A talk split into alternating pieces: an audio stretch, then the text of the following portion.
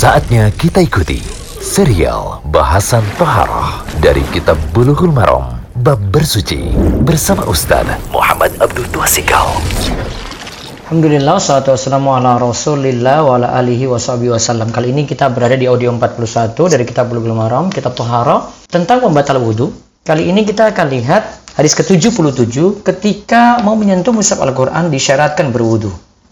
Artinya di sini, bagi yang batal wudhu, kalau mau menyentuh mushaf Al-Quran, hendaklah mengulangi wudhunya. Ya, ini kaitannya dengan pembatal wudhu kita ya. Hadisnya berikut ini. Dari Abdullah bin Abi Bakar radhiyallahu anhu ia berkata bahwa dalam surat yang ditulis oleh Rasulullah Shallallahu alaihi wasallam untuk Amr ibnu Hazm terdapat keterangan tidak boleh menyentuh mushaf Al-Qur'an la yamasal Qur'an alla yamasal Qur'an illa tahir. Tidak boleh menyentuh mushaf Al-Qur'an kecuali dalam keadaan suci. Tidak boleh menyentuh mushaf Al-Qur'an kecuali dalam keadaan suci. Hadis ini diriwayatkan oleh Imam Malik dalam Al-Muwatta. Mas di sini maksudnya adalah yamassa mas dalam hadis ini artinya menyentuh tanpa penghalang. Berarti kalau ada pembatas tidak masalah. Ada yang batasi seperti kain, ya itu tidak masalah. Nah, tohir atau bersuci di sini memang ada beberapa makna. Bisa suci secara maknawi, yaitu artinya suci dari syirik. Bisa suci dari secara hisi, hisi, yaitu dari yang nampak, ya, yaitu suci dari najis. Bisa juga suci dari hadas besar dan hadas kecil, yaitu dengan mandi atau berwudu.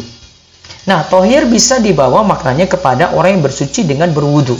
Berarti kalau kita artikan hadis tadi, tidak boleh menyentuh mushaf Al-Quran kecuali dalam keadaan suci dengan kita itu berwudu. Faedah hadis. Hadis ini jadi dalil bahwasanya menyentuh mushaf Al-Quran harus dalam keadaan bersuci. Inilah pendapat jumhur ulama dari kalangan sahabat dan tabi'in. Ya, sahabat-sahabat Nabi juga mengatakan demikian ya. Ya. Seperti ada perkataan dari Salman Al-Farisi.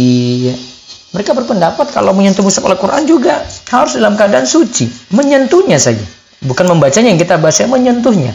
Sedangkan kalau membaca di sini tidak disyaratkan untuk bersuci. Membaca misalnya yang ada di tembok, di dinding gitu. Yang kedua, menyentuh tulisan, pinggiran dan sampul Al-Quran juga harus dalam keadaan berwudu. Karena Ya sebut utamaan malah ya sebut istiqlalan. Yaitu ketika jadi pengikut tentu berbeda ketika tidak jadi pengikut. Karena beli Al-Quran berarti, beli Al-Quran itu berarti satu kesatuan dengan isi dan covernya. Nggak boleh dipisah kan kalau beli. Maka ya tidak bisa terpisah sehingga kalau nyentuh cover Al-Quran pun harus dalam keadaan suci.